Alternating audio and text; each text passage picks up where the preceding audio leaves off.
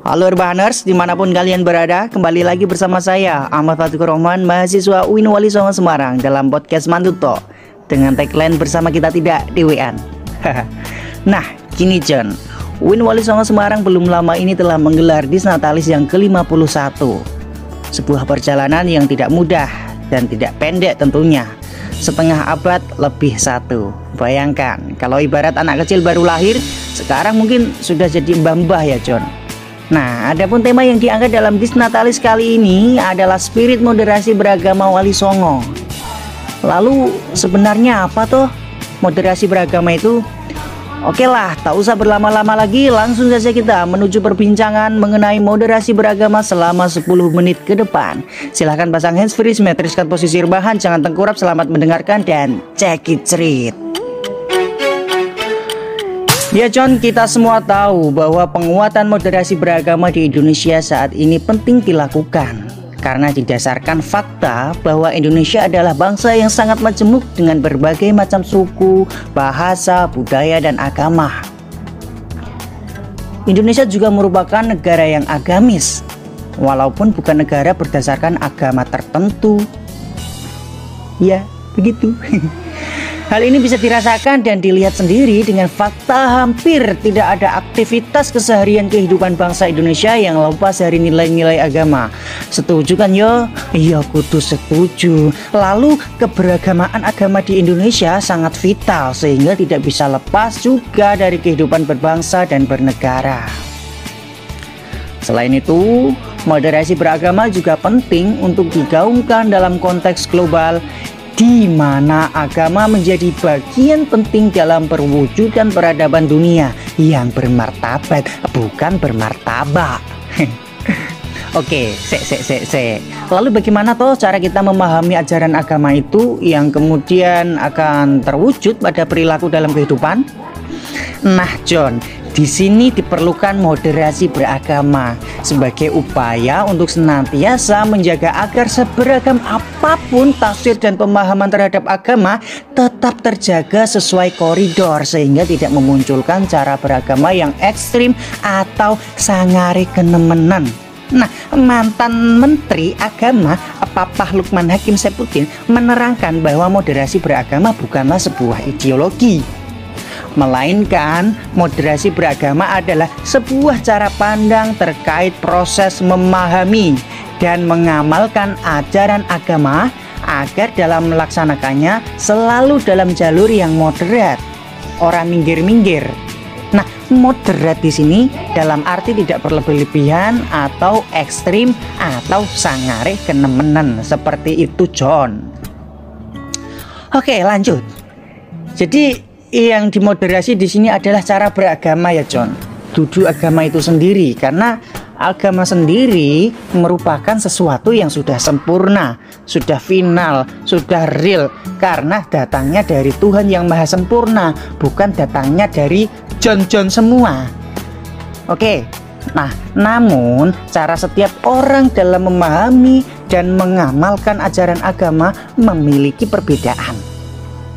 Hal ini karena keterbatasan manusia dalam menafsirkan pesan-pesan agama sehingga muncul keragaman. Tapi tidak jadi masalah ya John karena memang kehidupan ini sudah dibuat atau dikonsep oleh Tuhan sedemikian rupa dengan berbagai-bagai macam-macam atau yang disebut keberagaman. Tujuannya adalah untuk kita saling mengenal.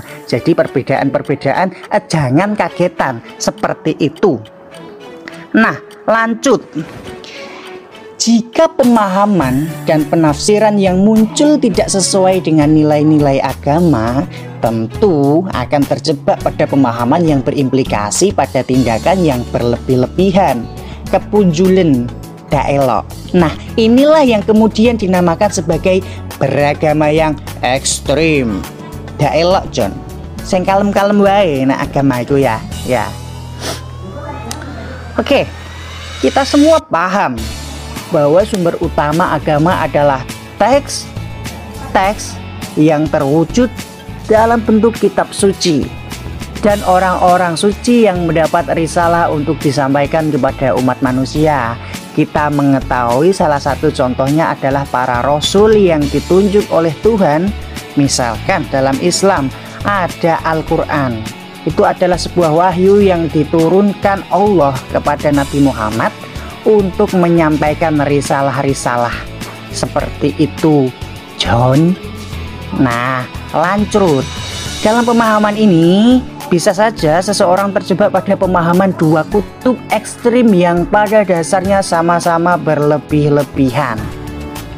Contohnya apa? Ya contohnya satu kutub terlalu tertumpu pada teks itu sendiri tanpa melihat konteks dari teks tersebut yang memunculkan sikap konservatif maupun ultra konservatif dudu ultraman apalagi ultra jos Nah, sementara kutub lainnya terlalu bertumbuh pada otak dan nalar sehingga dalam memahami teks terlalu mengandalkan konteks dan mengakibatkan keluar dari teks itu sendiri. Nah, sekilas memang gak masuk akal ya guys. Eh John, Soalnya di satu sisi kita dilarang untuk terlalu ke teks-teksan Namun di sisi lain kita juga dilarang atau dianjurkan untuk tidak melakukan penafsiran teks melalui konteks-konteks Karena akan mengakibatkan ya tadi keluar dari teks itu sendiri pemahamannya sudah berbeda. Seperti itu. Nah John kutub kedua inilah yang memunculkan pemahaman liberal dan ultraliberal ya Dua kutub yang berlebih-lebihan ini sama-sama mengancam kehidupan beragama dalam mewujudkan peradaban dunia. Ya, meskipun dalam dunia ini sudah ada yang namanya PBB. Apa? PBB Perserikatan Bangsa-Bangsa, bukan uh, peraturan baris berbaris, bukan. Jadi PBB ini dibuat ya katanya katanya itu untuk uh, mengapekkan atau mengondisikan bagaimana atau di mana jika ada suatu negara itu lagi berseteru. Nah, PPB tujuannya adalah itu. Eh, PPB kok malah kayak UIN? PBB ya, seperti itu, John.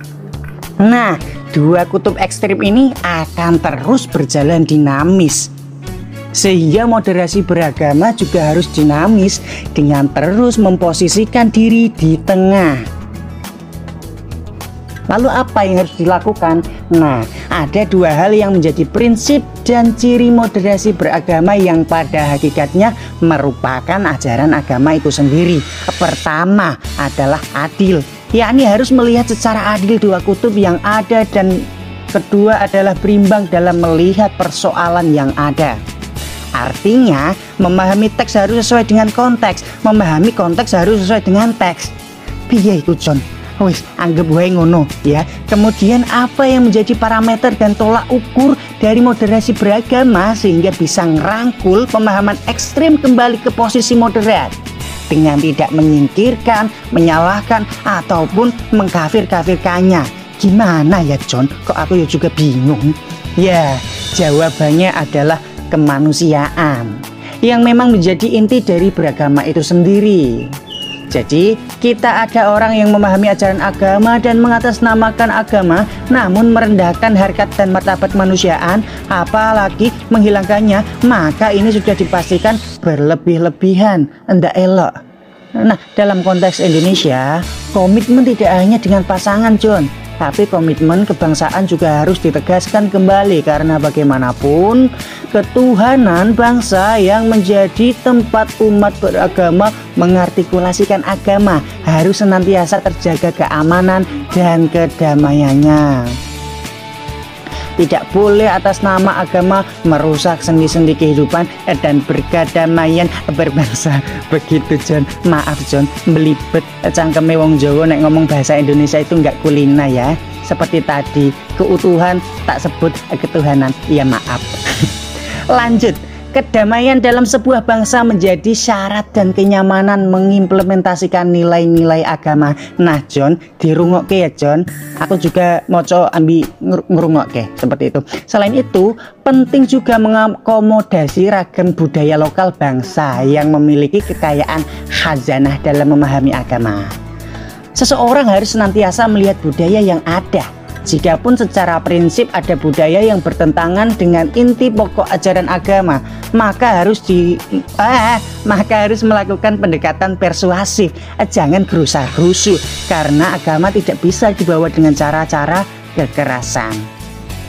Cukup Anda dengan pasangan Anda yang melakukan kekerasan. Wasik. Lalu bagaimana agama di mata negara? Nah, ini John yang harus kita ketahui semua. Dalam pasal 29 Undang-Undang 1945 ditegaskan bahwa negara itu berdasar atas ketuhanan yang Maha Esa dan negara menjamin kemerdekaan tiap-tiap penduduk untuk memeluk agamanya masing-masing dan untuk beribadah menurut dan kepercayaannya itu. Oke, nah pasal ini juga menjelaskan dasar dan amanah agar negara menjamin kemerdekaan terhadap dua hal, yakni kebebasan memeluk agama dan kebebasan beribadah sesuai kepercayaan. Indonesia sendiri memiliki relasi yang khas antara agama dan negara. Nah, Indonesia kan bukan negara sekuler ya guys, ya John dan juga bukan negara agama yang berdasar pada agama tertentu sehingga negara memposisikan diri terhadap agama yaitu pada tiga ranah apa saja itu? Yang permata, yang pertama, menjamin kemerdekaan terhadap dua hal, yakni kebebasan memeluk agama dan kebebasan beribadah sesuai kepercayaan. Kedua, negara memberi fasilitasi pada agama dan tidak bisa lepas tangan. Eh, bukan tangannya dilepas ya John, tapi maksudnya adalah lepas tanggung jawab. Jangan lepas tanggung jawab terhadap hal ikhwal keagamaan warga negaranya. Negara juga tidak bisa represif dan memaksa maksa warga negaranya untuk menganut perilaku keagamaan tertentu. Ra oleh. Ketiga, memberikan pedoman terhadap kehidupan beragama seperti adanya sidang isbat, penyelenggaraan haji, pendirian rumah ibadah, dan lain sebagainya. Oke, lanjut John. Meskipun pedoman ini juga tidak bisa dipaksakan, agama sendiri bisa selalu dilihat dari dua perspektifnya yang berbeda. Pertama adalah perspektif formal institusional yang menyebabkan pendekatannya selalu segregatif ataupun terpisah yang melihat agama sebagai sebuah institusi institusi formal seperti Islam, Kristen, Hindu, dan lain sebagainya yaitu termasuk berbagai paham-paham yang ada dalam agama itu sendiri. Pelan-pelan aja ya John. Saya sedikit capek. Yang kedua adalah perspektif esensial atau substansial. Yang lebih menitik beratkan pada nilai-nilai ajarannya yang cenderung sama dan tidak terlihat keragaman. Satu agama dengan agama yang lain karena inti pokok ajaran agama itu pada dasarnya sama. Seperti kemanusiaan, keadilan, persamaan, eh ya persamaan di depan hukum, menghormati hal atau hak. Ya itulah menghormati hak asasi manusia dan nilai-nilai universitas lainnya. Bukan universitas koyok Uin Wali Songo ataupun uh, tetangganya bukan itu. Oleh karena itu John Mari kita menjadi kaum beragama yang adem ayem tur tentrem Tidak usah mengkafir-kafirkan. Geragapi awak edw Jangan madu orang lain. Selesai, saya Fatkur Rahman undur diri. Silahkan lepas handsfree Tata ulang posisi rebahan kalian Rapatkan celana kalian yang melorot. Selamat berbahan kembali Dan sampai jumpa